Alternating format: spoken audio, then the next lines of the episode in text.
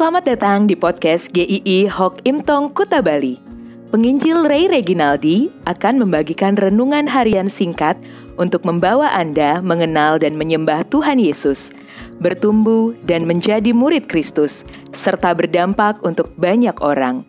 Jika Anda merasa diberkati melalui renungan ini, silahkan bagikan podcast ini agar orang lain juga diberkati. Inilah renungan hari ini.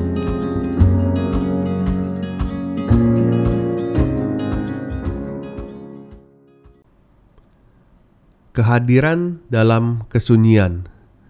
Perikop dari Esther 5 ayat 9 sampai pasal 6 ayat 14. Ayat hari ini saya akan bacakan dari Mazmur 23 ayat 4.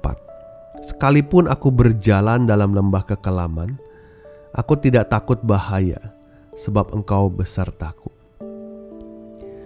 Kadang ada orang yang meragukan Tuhan di dalam kesulitan hidup karena merasa Tuhan itu tidak hadir di dalam pergumulannya. Ketika sudah berdoa, berserah pada Tuhan, kok tidak ada yang berubah di dalam pergumulannya?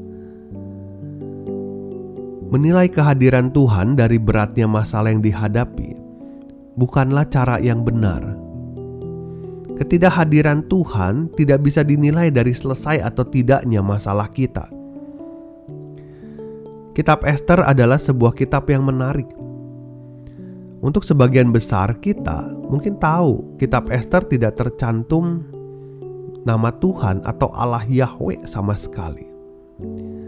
Lalu ada orang-orang bertanya bagaimana mungkin sebuah kitab yang tidak tercantum nama Tuhan di sana bisa kita katakan ada penyertaan Tuhan di sana.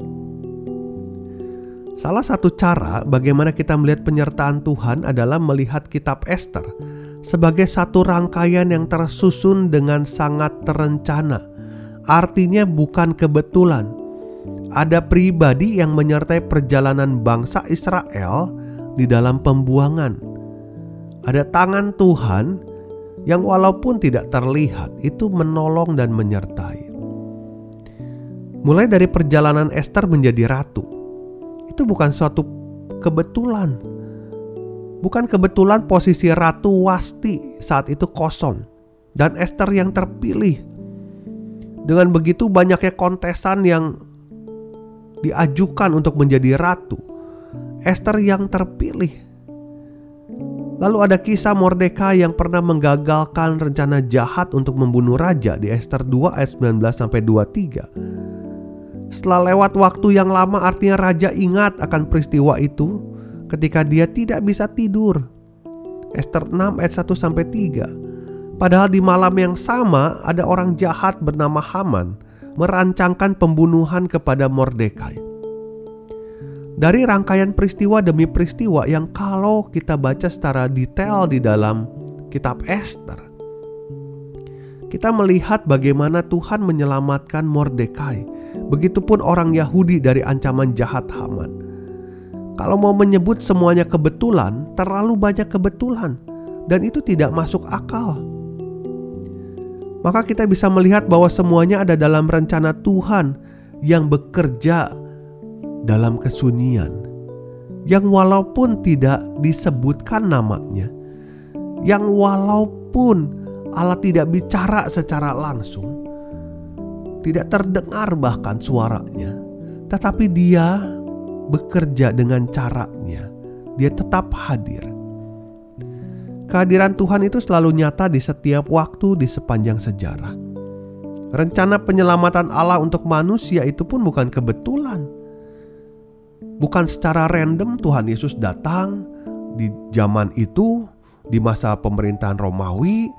Bukan, semuanya karena rancangan yang sempurna yang lebih ajaib adalah tidak ada satupun nubuatan tentang Mesias yang meleset, yang tidak digenapi di dalam pribadi Tuhan Yesus. Semuanya digenapi di dalam pribadi Tuhan Yesus.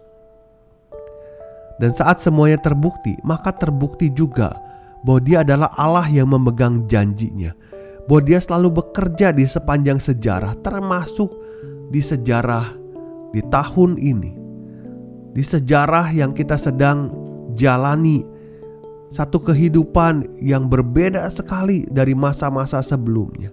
Tapi dia tetap hadir dan dia tetap bekerja dengan caranya, sekalipun kita tidak melihatnya atau belum melihat apa yang akan terjadi di depan.